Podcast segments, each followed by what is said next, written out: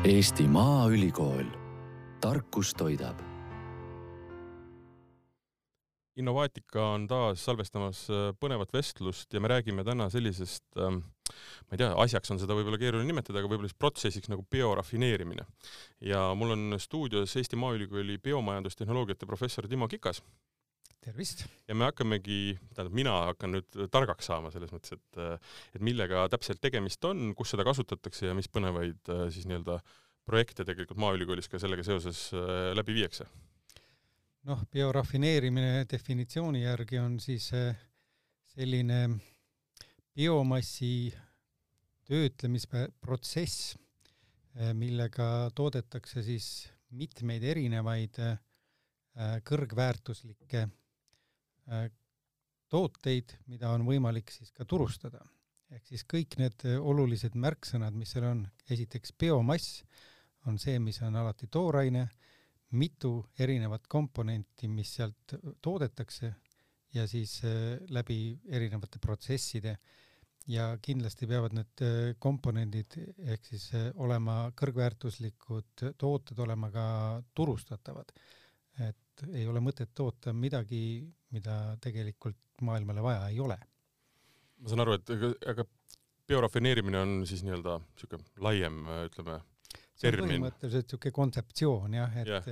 lähenemine, ütleme, mingi biomassist millegi tootmisele mm. -hmm. et noh, tänasel päeval ju tegelikult biomassi kasutatakse laialdaselt erinevate asjade tootmiseks noh, kõige lihtsam, võtame kas või, kui me võtame mingisugused viljad, eks ole, toodame seal äh, leiba-saia, see on ka toode, samamoodi võib, eks ole, kõigepealt äh, eraldada sealt midagi muud ja siis toota endiselt, noh näiteks eraldatakse gluteen, siis on juba väikene niisugune rafineerimise äh, maik sellel asjal juba küljes.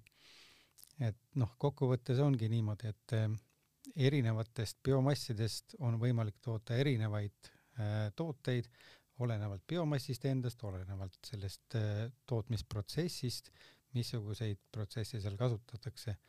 ja, ja meie arusaamine asjast on lihtsalt see, et, et kui seni on olnud tootmisprotsessid pigem sellised lineaarsed, me võtame toorme, toodame ühe asja sealt ära ja ülejäänud viskame minema või noh, parimal juhul põletame ära.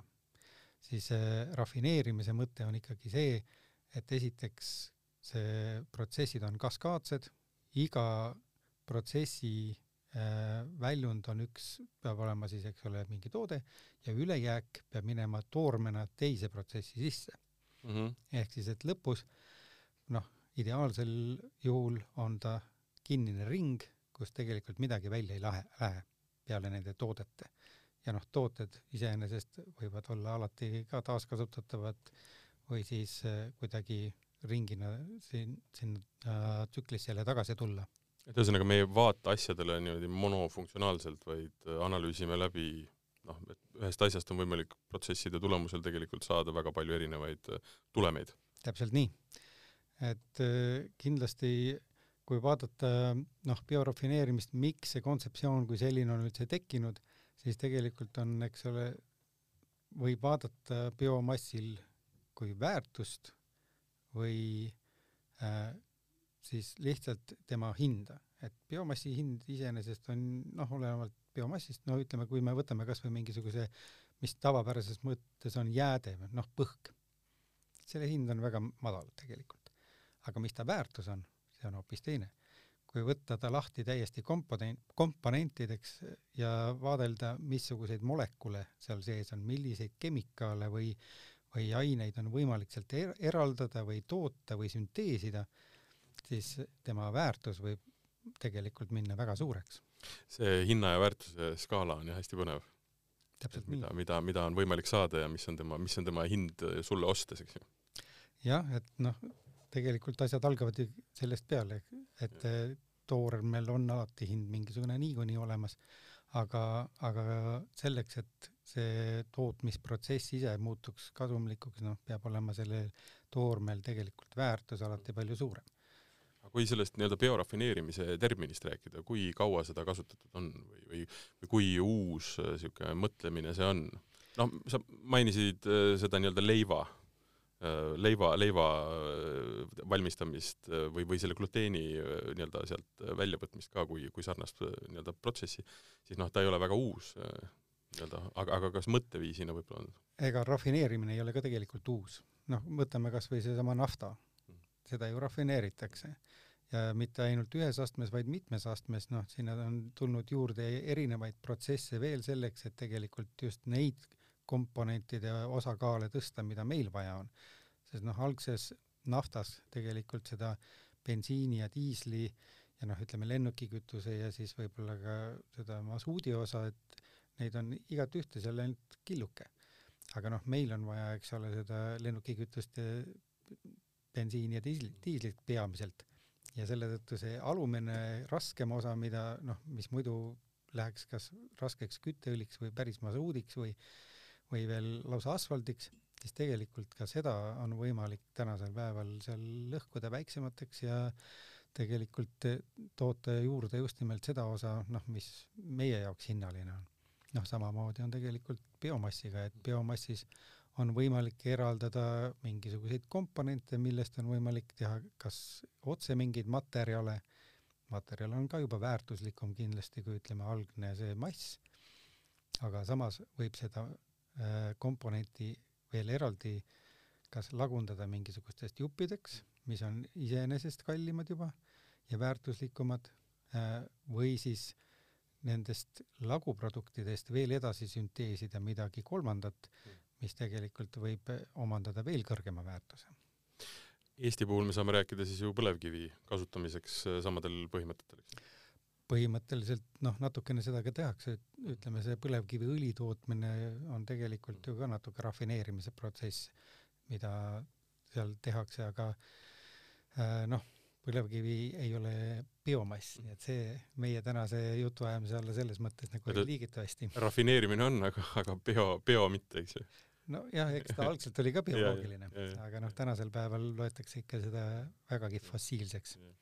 see mm, nii-öelda äh, muna ja kana või, või siis erinevate produktide kasutamine ja nende väärtus on hästi äh, tore selline teema, sest et äh, ütleme näiteks äh, võtame juustu tootmise siis äh, sul on ühest otsast on juust, aga teisest pool on nii-öelda vadak, mis äh, on olnud äh, ühesõnaga on, tema, temast on vaja olnud lahti saada mm. -hmm. ettevõtted on vaja, on maksnud äh, järgmisele ettevõttele, kes võtaks selle nende käest ära ja selle probleemi lahendaks äh,. täna on vadakule meeletult suur turg äh, näiteks Hiinas, kus äh, laste toiduks seda tehakse.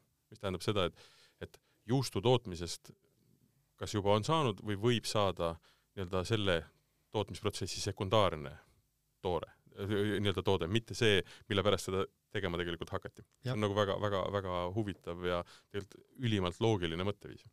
jah, täpselt nii ongi, et äh, siin teine näide meil ka palju lähemalt võtta, et meil omal Maaülikoolis näiteks äh, Polli äh, see mm, arendusinstituut on ta vist meil, et ta küll kuulub tänasel päeval aiandusõppetooli alla siis et äh, nemad on näiteks äh, arendanud siin erinevaid äh, tooteid just nimelt algselt, mis olid siis jäägid.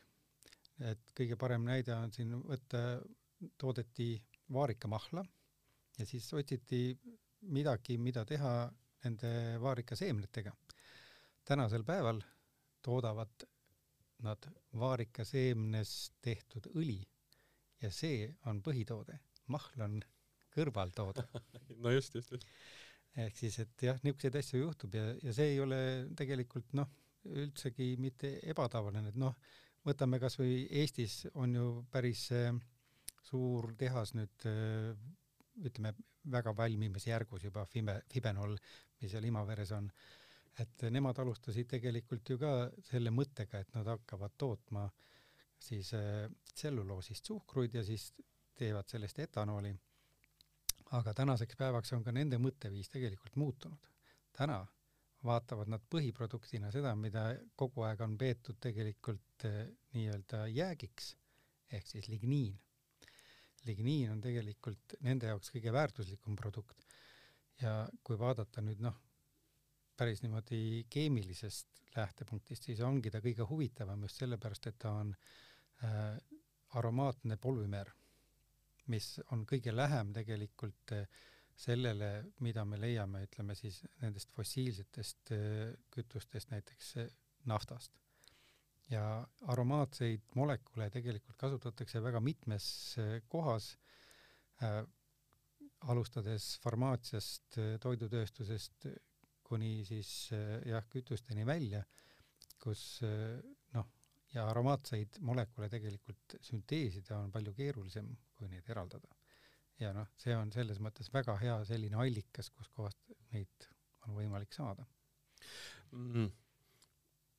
On tegelikult ju levimas ka selline nii-öelda nagu mõtteviis, et äh, mõned noh, kuna me tarbime, inimkond kasvab, tarbime aina rohkem asju, ähm, et mingid, mõned toorained võiksid nii-öelda planeedilt üldse otsa saada.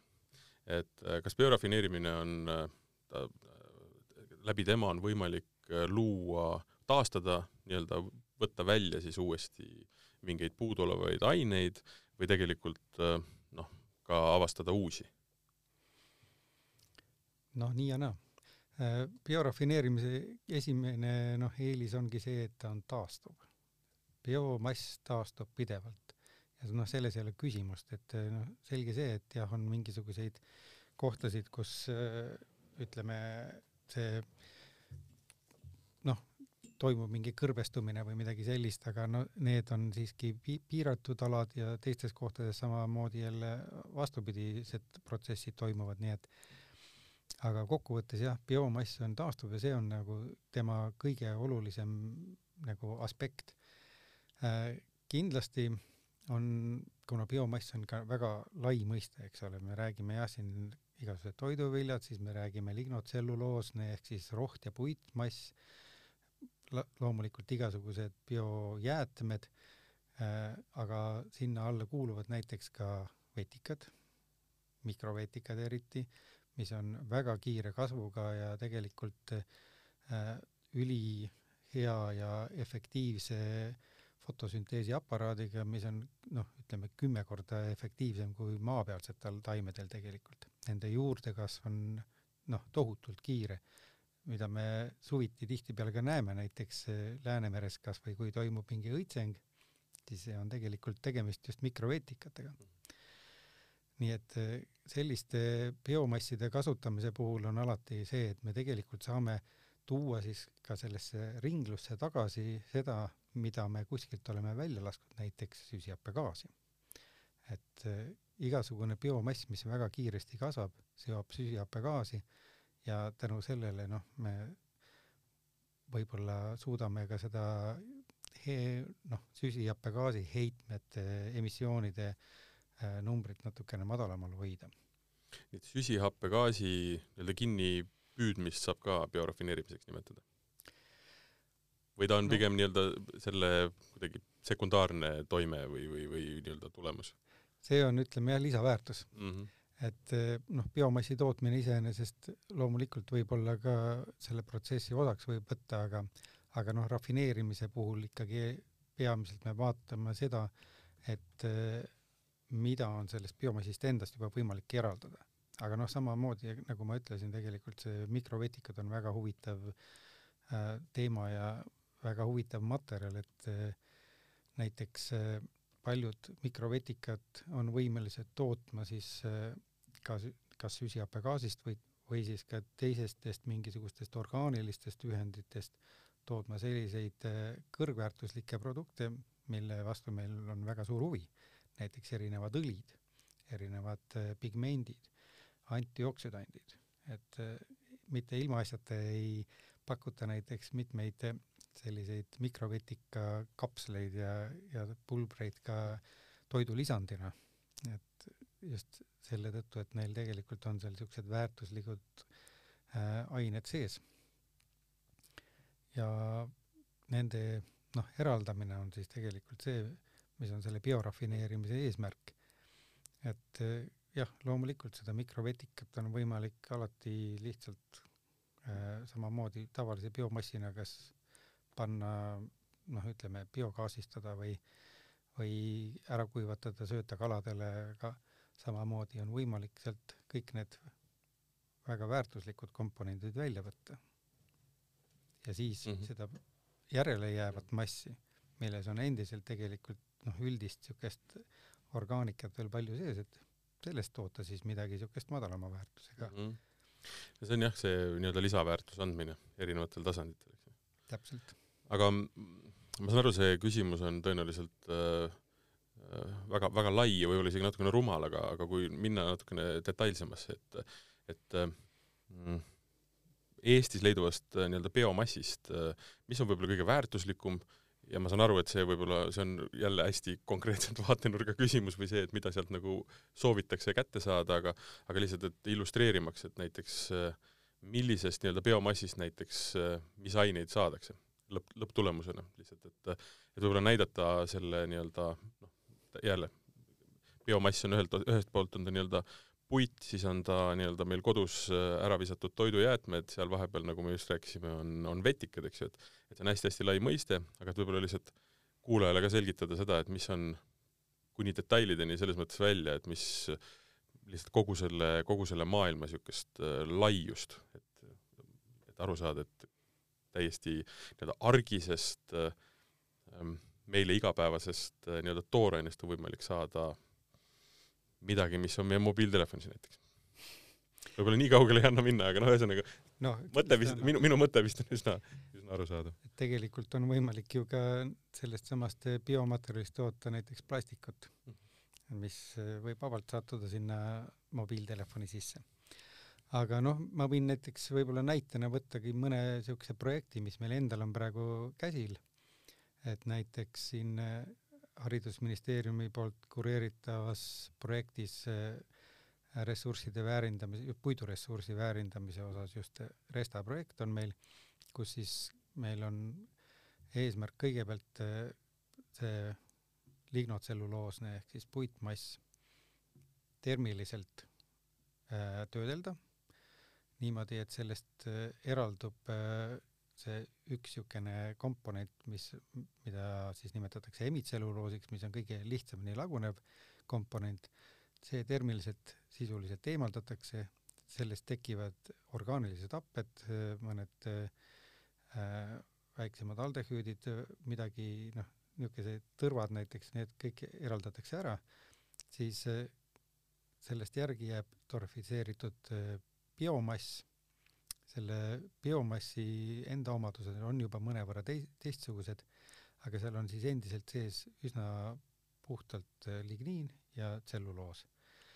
sellest on võimalik siis omakorda eraldada tselluloos niimoodi, et me joonsete vedelikega eraldame sellest torrefitseeritud biomassist ligniini konkreetselt, et äh, joonsed vedelikud on jällegi väga huvitav materjal kuna nendel on niisugused väga põnevad omadused, mis võimaldavad siis äh, just nimelt suunata selle lahustumise mingisuguse konkreetse komponendi poole ja antud juhul noh, ütleme meie võtame sealt ligniini välja, et meil on siis tegelikult kolm era-, eraldi komponenti, kõik on üsna puhtad ja, ja sealt edasi on võimalik siis tselluloosi puhul on üks võimalus alati ta suhkruteks lagundada, teine võimalus, kuna sellisel teel äh, toodetud tselluloosil on tegelikult väga kõrge kristallsus ka, siis on võimalik temast toota ka näiteks nanokristallset tselluloosi, mida kasutatakse näiteks eh, erinevate materjalide tootmisel just. näiteks? no näiteks viskoossiid mm. -hmm. mis omakorda läheb? mis omakorda läheb riiete sisse. no näed, jõudsimegi tulemuseni, mida on inimesel hea käega katsuda, eks ju. jah aga noh, sealt on võimalik loomulikult eh, toota ka erinevaid eh, muid niisuguseid süsinik äh,, süsinikku sisaldavaid materjale, mis noh, mõnel võivad olla ka veel kõrgema väärtusega kui see viskoosiid äh,. teiseks siis ligniin, nagu me juba rääkisime, ligniin on võimalik tegelikult väärindada päris mitmeteks erinevateks asjadeks, kui jälle mõni näide tuua, siis ligniinis on näiteks äh, olemas vaniliinhape, millest on võimalik vaniliini toota mm. -hmm. Äh, ja vaniliin, noh, maitseaine on üldiselt üsna kõrge väärtus yeah.. seda kusjuures tehakse päris palju juba, on ka varem tehtud, aga noh, ütleme, seal on ka veel teisi võimalusi, kuidas ligniini väärtustada, et et ligniinist on võimalik toota näiteks polu, polüurataan vahte, mis on jällegi ehituses väga laialt kasutatav, on võimalik toota kilesid, samamoodi tselluloosist tegelikult on võimalik toota kilesid, päris kõrge tugevusega kilesid ka. ja meie oma Resta projektis tegelikult võtame ka selle eraldatud hemitselluloosi, mis on siis hapete ja kujul seal peamiselt ja kasutame seal biotehnoloogilisi lähenemisviise, ehk siis me tegelikult anname seda söögiks siis need, nendele samadele mikrovetikatele, kes toodavad sellest siis omakorda eksapolüsahhariidid, mis on jällegi polüsuhkrud põhimõtteliselt, mida on võimalik siis edasi kasutada äh, erinevates protsessides tegelikult, kas siis niisuguse baaskemikaalina või siis edasi ka lagundada neid noh, nii-öelda monosuhkruteks ja siis midagi selle baasil veel edasi teha. et tegelikult äh, kõik komponendid, mis selles puit- või rohtmassis sees on, on võimalik sealt erinevate protsessidega eraldada ja siis äh, suunatult juba valida selline protsess, mis äh, väärindab seda selliseks produktiks, mida me taga ajame konkreetsemalt paratamatult tekib muidugi see küsimus, et kui me siin just rääkisime äh, kilest ja rääkisime nii-öelda ehitusvahust, eks ju, et kui, kui looduslikud need siis omavahel on või mitte omavahel, aga ise, ise, ise selles mõttes on, et et kile, kilet me ei pea nii-öelda selles mõttes looduses lagunevaks ja ta ei ole väga öko. Äh, kui me räägime niimoodi toodetud kilest ja vahust, äh, kuhu need platseeruvad? no tegelikult on ju biolagunevad killed ka olemas mm. -hmm. ja ja muidugi jah, seda tuleb tunnistada, et kui me toodame biomassist kilet, see ilmtingimata ei tähenda, et ta bio, biolagunev on. et tegelikult on võimalik ka sellest selliseid kilesid toota, mis ei ole üldse biolagunevad. aga küll aga nad on taastuvast ressursist tehtud, mis tegelikult on täiesti teine teema. et kui me räägime millegi, mille me võtame maast välja ja siis tekitame sellest kilet, et noh, see on üks asi teine asi on jah see, kui me oleme ta bioloogilisest materjalist teinud. aga loomulikult, kui me tahame, et need kiled mingil hetkel noh, lakkavad olemast, siis peavad olema nad tehtud ka biolaguna, biolagunevatena mm,. üks teema, mis on noh, hästi-hästi oluline, on ikkagi ka biojäätmed. Kuna hetkel tegelikult äh, noh, nende, nende kasutus on ikkagi küttena või, või, või, või siis nii-öelda sekundaarselt, mis lõpp, mis lõpuks on ikka kütu, küte, eks ju, et äh, tehakse metaani ähm,, siis äh, ma saan aru, et tegelikult see on täpselt samasugune mass äh,, millest on võimalik palju targemalt äh, nii-öelda erinevaid äh,, erinevaid äh, komponente saada. jah, kindlasti on.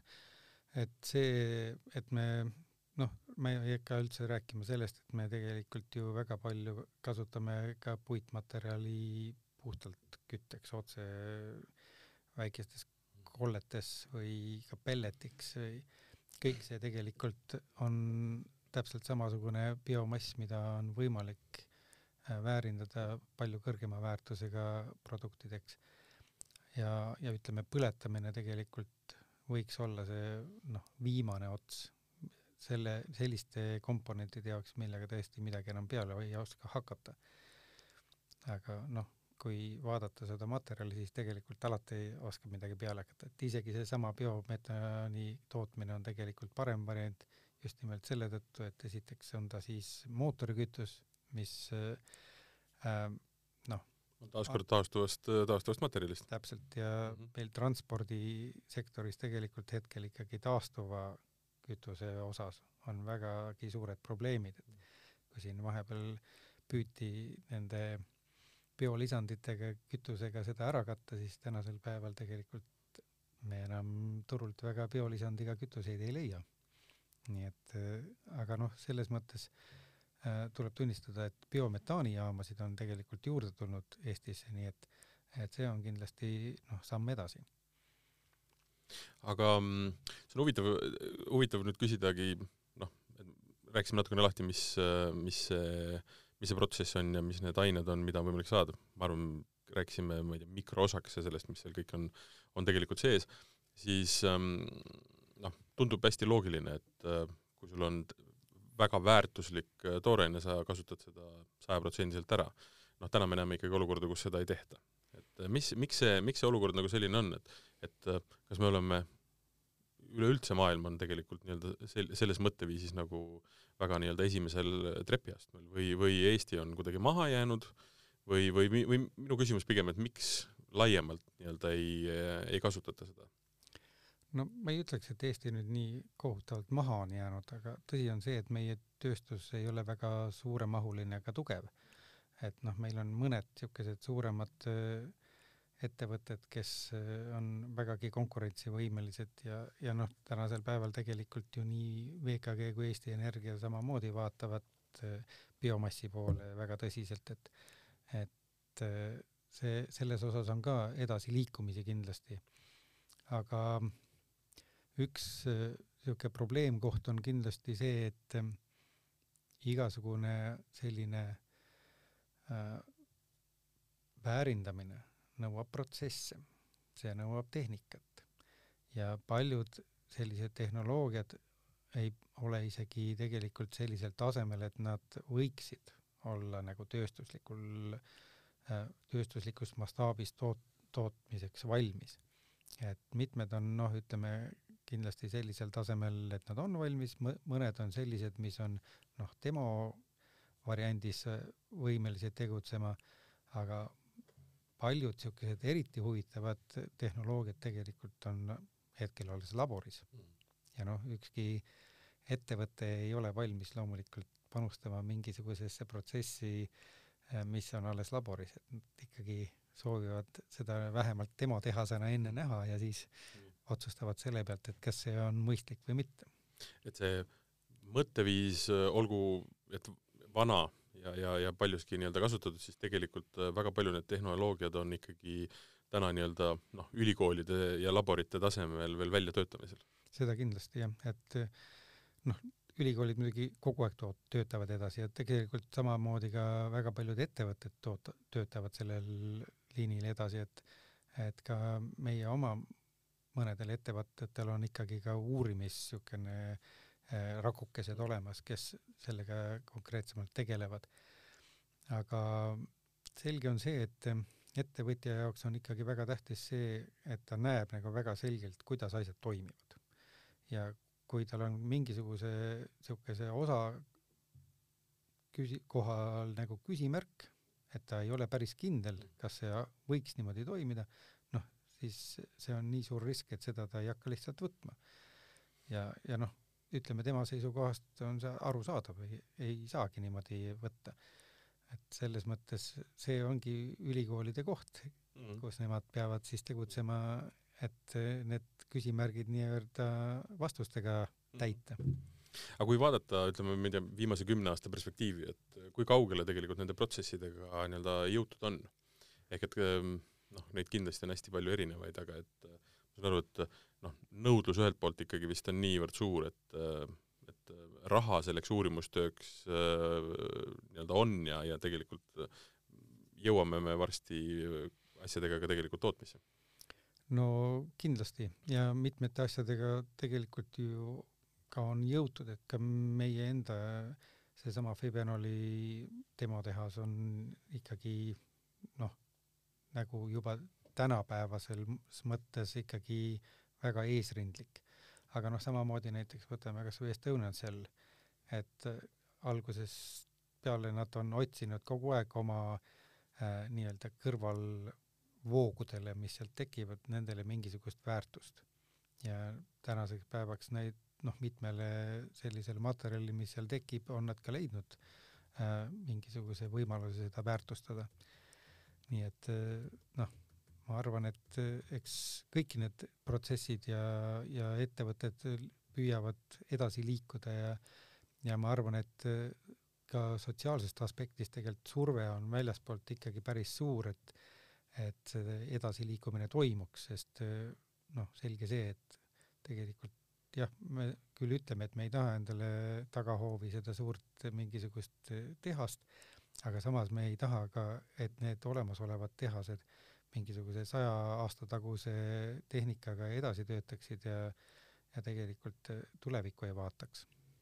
noh, lisaks sellele tundub lihtsalt äh, äärmiselt loogiline võtta tooreinest välja absoluutselt kõik, mis vähegi on võimalik jah, aga seal on jällegi see küsimus, et, et kust maalt on see mõistlik mm. -hmm. et äh, selles mõttes, et sisse pandud energia välja saadud tulemuse nii-öelda siis äh, võrdluses, noh, üks asi on jah, kindlasti energiabalanss peab olema, et kui sa ikkagi paned liiga palju energiat sinna sisse, eriti kui sa ise toodad energiakandjat, noh siis peab olema see selgelt positiivne, eks ole aga kui sa toodad mingisugust kõrgväärtuslikku produkti, millel on mingi muu põhjus, noh, kui sa toodad näiteks vähiravimat, siis võib see, noh, siis need kaalukeeled nagu on hoopis teis, teises kohas.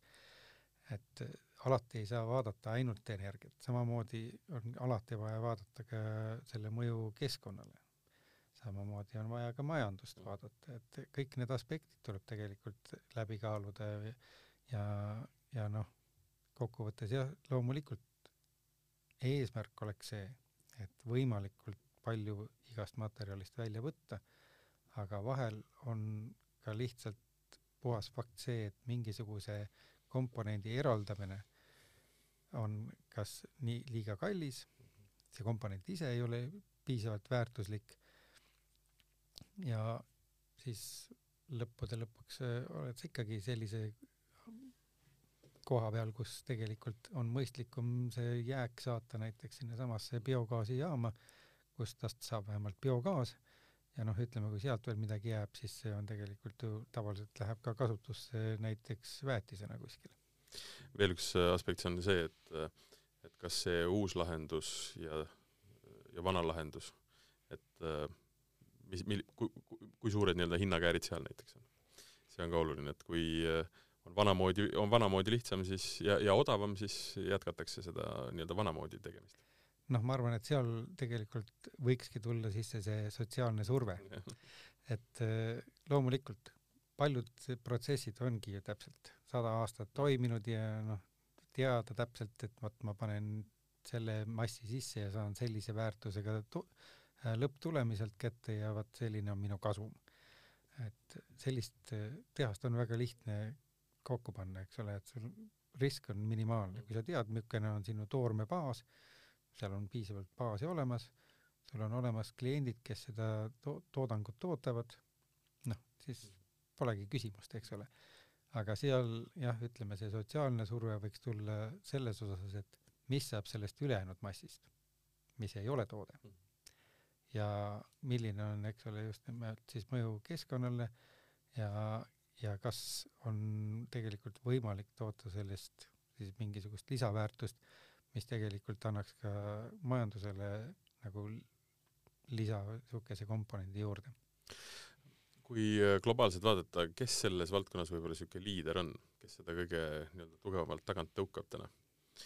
ma saan aru, et põhimõtteliselt on asjad nii-öelda labori tasemel ja seal on nagu, ei saa võib-olla nii üheselt seda võtta, aga on välja kujunenud ka mõni riik näiteks, kes võib-olla väga ma ei tea, kus see sotsiaalne surve on võib-olla jõudnud sellisesse seniiti, et nad on, on nii-öelda juhtohjad võtnud. või veel on vara rääkida? nojah, mõnes mõttes äh, on võib-olla tõesti vara rääkida, aga ütleme, et Põhjamaad on kindlasti sellised, kus äh, see sotsiaalne surve on täiesti olemas ja kus on ka ikkagi väga palju nagu jõupingutusi tehtud selles suunas, et äh, noh, mõned äh, Kesk-Euroopa riigid, ka näiteks Hollandi, Belgia ja Taani, et äh, noh, samamoodi on olemas kindlasti selline äh, surve just nimelt ühiskonna poolt. kas Hollandis ja Belgias just, kui me räägime biomassist ja biomassi nii-öelda refineerimisest, on küsimus, ongi küsimus nii-öelda ressursis ja selle puuduses? jah, nende kohta ma võib-olla nii täpselt ei oska öelda. lihtsalt hakkasin mõtlema, et noh, rääkides näiteks metsast, eks ju, noh, mis metsast me saame nendes kahes riigis väga rääkida. jah, seal kindlasti, ütleme selles ja. mõttes Eesti on vägagi -hmm. hästi heas olukorras, et meil tegelikult biomassi on siin olemas ja iga-aastaselt kasvab äh, ka palju seda juurde. aga noh, Hollandi, Belgia puhul võib rääkida ka biomassist näiteks seesama põllumajandusjääde, see on samamoodi biomass ja seda noh, tekib seal ikkagi väga palju mm. -hmm. Um, kas ma, minu väide on õige, kui ma ütlen, et äh, ka selles valdkonnas tegelikult nii-öelda puidusektor on kõige kaugemale arenenud? sest ma olen rääkinud inimestega ja kirjutanud ka artikleid, kus noh, mitmeid kordi rõhutatakse seda, kuidas ikkagi noh, peab ikkagi tõstma nii-öelda seda äh, lisandväärtuse andmist ja siis räägitakse nendest erinevatest nii-öelda etappidest, et sul on puhtalt nii-öelda kütteks, siis on nii-öelda termiline bioloogiline ja keemiline nii-öelda siis töötlemine, iga kord on võimalik saada erinevaid aineid. et ähm, noh, mujal ei ole väga, väga juttu olnud, et, et, et nii, nii nagu süvitsi, süvitsi oleks minna, sellepärast ma küsingi, et kas nemad vaatavad seda asja võib-olla kõige nii-öelda nagu detailsemalt juba? puidutööstus on kindlasti üks, aga toidutööstus on kindlasti teine. et seal tegelikult on ju väga palju seda äh, noh, vaadatakse, et mis saab jäätmetest ja, ja noh, seal tihtipeale kasutatakse ka osa, osa jäätmeid ära toiduainete sees, lisand mingisuguse komponendina. nii et eh, kindlasti ei ole puidutööstus ainukene, aga noh, ütleme puidutööstusel ja toidutööstusel esmane produkt on alati kas siis noh, puidutööstusel ehitusmaterjal või mingisugune eh, selline, ütleme siis materjal kui selline. ja siis keemiasse pigem läheb või, või noh, ütleme rafineerimiseks võiks minna pigem see, mis jääb alles, eks ju? jäätmed, jah mm. -hmm. aga, aga toidutööstuses noh, tegelikult jäätmeid jääb suhteliselt vähe. et ja neid asju jah, on võimalik kindlasti samamoodi ja praegu ka kasutatakse väga palju neid toidujäätmete jää, jääke ära, aga, aga noh, ütleme toidujäätmete puhul on väga lihtne seda saata biogaasijaama ja seal võetakse alati hea meelega neid vastu, seal pole mingit probleemi mm. -hmm. see toidujäätmete teema on, on, on jah, põnev, et kui vaadata ka uuringuid, siis jah, ütleme to-, tööstustes ja tootmises äh, ja ka poodides jääb, on seda jäädet üsna vähe. enamus tuleb kodudest. kodudest ja noh, tööstuses ikkagi ka tekib. õige, jah.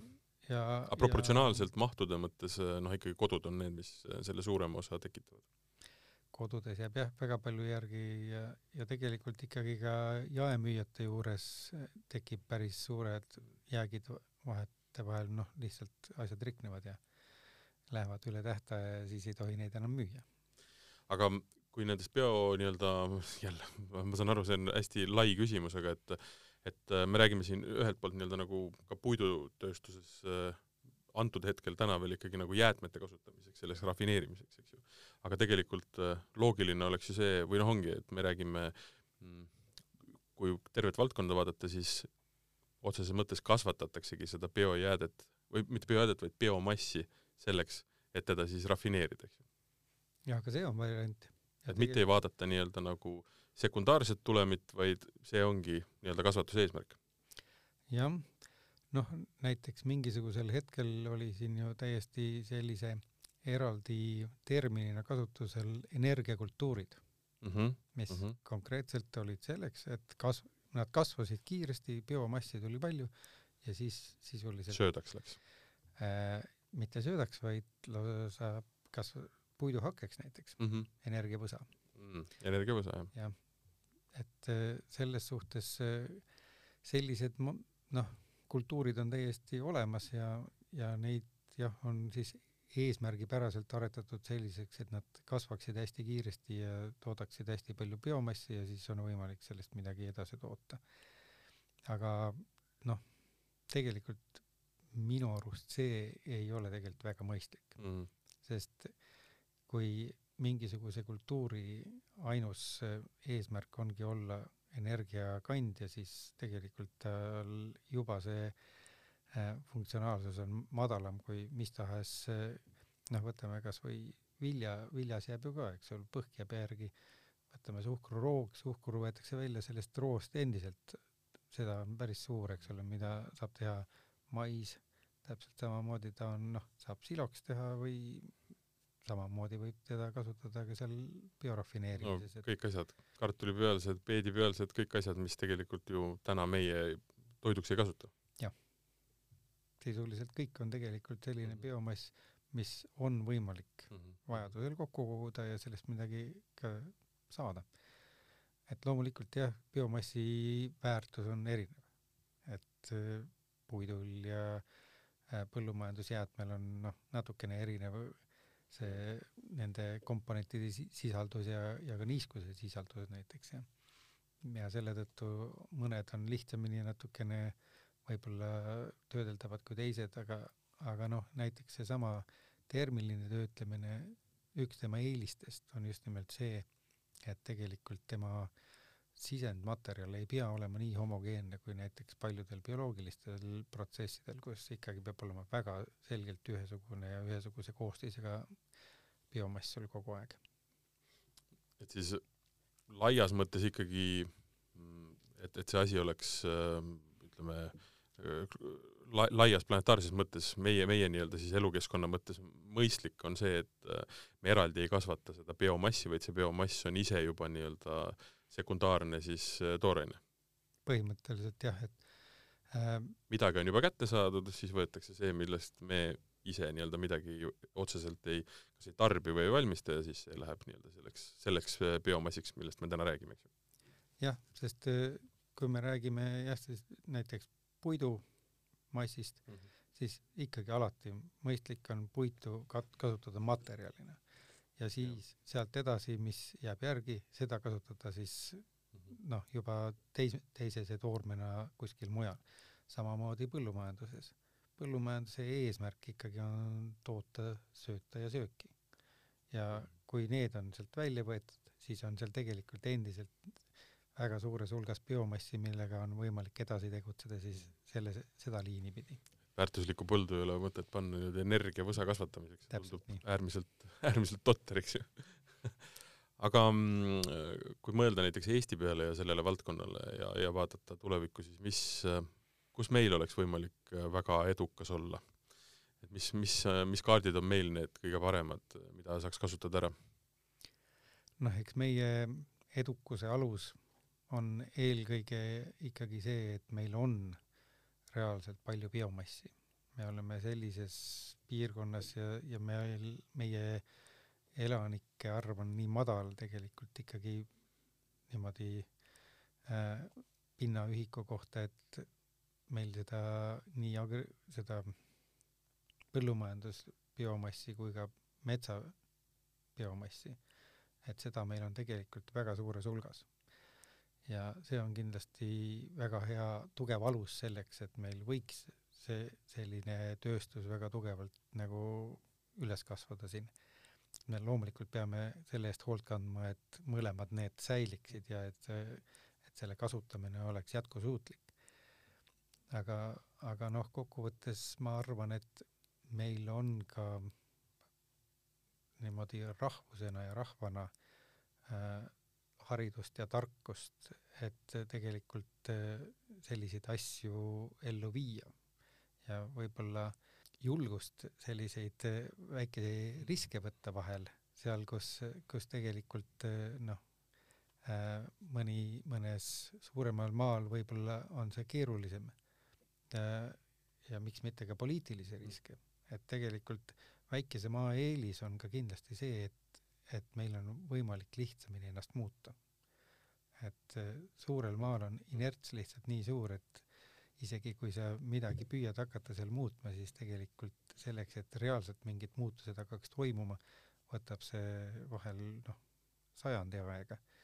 et äh, Eesti on näidanud ka varem, et me oleme võimelised muutuma kiiresti ja noh, samamoodi, miks ei võiks olla see üks koht, kus seda teha. absoluutselt see järgmine küsimus viib meid natukene saate alguse juurde tagasi, ma seal mitte ei unustanud, aga äh, mul praegu tuli selline põnev äh, nagu küsimus, et ühelt poolt äh, ma saan aru, et kui selline noh, ütleme, nimetame teda võib-olla siis väga laias mõttes biorafineerimistehas näiteks, noh, ärme täpsusta, mida ta siis kasutab, aga ähm, ühelt poolt jah, see nii-öelda puidutööstuses, mis jääb järgi, siis äh, nii-öelda toi-, toiduainetööstuses või põllumajanduses, mis järgi jääb, aga et mis on meil Eestis näiteks see kasvav mass veel selline, mis täna on noh, lihtsalt kuidagi nagu, nagu ma ei taha öelda ees, aga, aga mida lihtsalt kasvab, aga millega me midagi peale ei hakka, mille, ma ei tea, niitmine või, või kasutamine tegelikult võiks sellisel juhul, kui selline tehas on olemas, täitsa tulla nii-öelda nagu täna mõtlemata või noh, ressursina, mida me ei arvesta täiesti nii-öelda nagu, nagu kasutusse. no vetikad said mainitud, eks ju jah, vetikad on kindlasti üks asi, aga teine asi on midagi, mida on siin korduvalt erinevates piirkondades nagu ka arutatud, on need ähm, luhaheinad. ja sellised, ühesõnaga piirkonnad, kus on kohustus niita, isegi välja vedada, aga millega tegelikult ei tehta praegusel hetkel mitte midagi. ja, ja noh, see on kindlasti üks niisugune ressursikoht, noh, mille peale ma tean, et riik mõtleb, sest selle peale on ka erinevaid projekte kirjutatud ja praegu on üks äh, suur Life'i projekt sinna, selle peale kirjutatud just alambedja äh, biomassi kasutamise suunal, aga aga noh, kindlasti see on üks selline koht. Neid kindlasti on veel, kui nii-öelda see fiktiivne või nii-öelda jutumärkides tehas valmis saab, küll leitakse nii-öelda rakendus, eks ju. jah, ja no muidugi üks asi, mida väga palju on ka, millele ei osata hetkel väga niisugust tarka lahendust leida, on nende biopuhastite jääkmuda. et ka see on niisugune, millega tegelikult keegi ei oska väga praegu midagi peale hakata. aga ta on samamoodi mass, biomass, biomass, millega tegelikult on seal ju on sealt võimalik eraldada päris, päris palju erinevaid asju. midagi kindlasti on võimalik eraldada mm, -hmm. jah. Jälle tuleb mängu see hind ja vaev, eks ju. jah et mis see kõik maksma läheb või mis see, mis see nagu tähendab ähm,. ütleme niimoodi, et ähm, meil klaaskuuli siin ei ole ja ega see tuleviku ennustamine vist on üsna niisugune tänamatu tegevus ka niikuinii. aga et ähm, kui peaks, ütleme, vaatama edasi kümme aastat, kakskümmend aastat, et äh, mis see, mis see pilt võiks olla antud kontekstis? või mis see lootus on? noh, ideaalne oleks jah see, kui meil esiteks äh, kõik, kes vähegi midagi põletavad, omavad sealsamas põletusahju kõrval äh, vetikaparki, mis seob korstnast tuleva süsihappegaasi kohe ära, kus siis äh, saadakse biomass, mis läheb teistpidi kuskile väärindamisele. puidumassist toodetakse ainult materjale ja jääkidest ainult siis kõrgväärtuslikke kas kemikaale või samamoodi materjale ja toidujäätmeid meil lihtsalt ei ole oh. aga siit tekib teine küsimus, et kui, kui kütu, kütteained lähevad kõik äh, nii-öelda noh, jutumärkides vasakule sellest äh, nii-öelda soojamaja, majast, et äh, millega me siis nii-öelda toa ära kütame aga energiat on võimalik muidugi toota ju väga paljudest teistest asjadest. Et selle jaoks on olemas päiketuul ja lained, hüdro, erinevad variandid, millega on võimalik toota elektrit, on olemas. millega toota kemikaale, selline ressurss praktiliselt puudub aga see tähendab ikkagi seda, et me piltlikult elame täna ikkagi sada aastat tagasi, noh, nende sel-, selles nii-öelda äh, valdkonnas äh, kasutame neid vanu tehnoloogiaid, vana mõtteviisi, et puit on kütteks?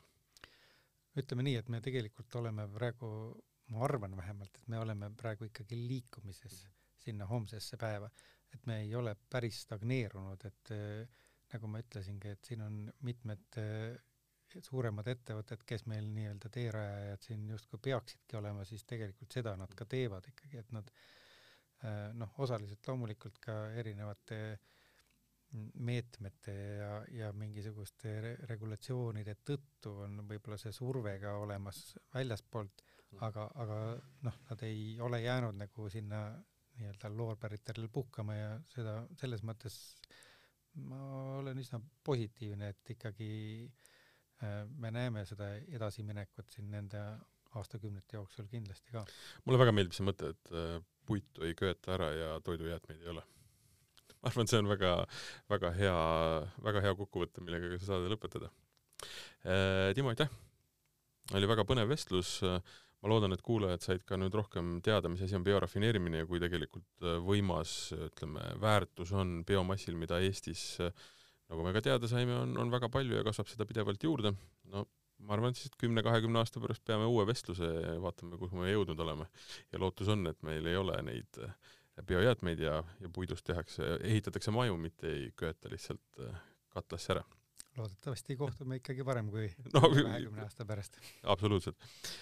Saade, mida te kuulasite, oli Innovaatika, mina olin saatejuht Martin Hanson ja üle laua istus mul Eesti Maaülikooli biomajandustehnoloogiate professor Timo Kikas. järgmine teadussaade Innovaatika on nagu alati täitsa uuel teemal, aga me jätkame ikkagi selle maailma põnevate nii-öelda nurgataguste ülevaatamist. seniks aga soovin teile ilusat suve. Eesti Maaülikool, tarkus toidab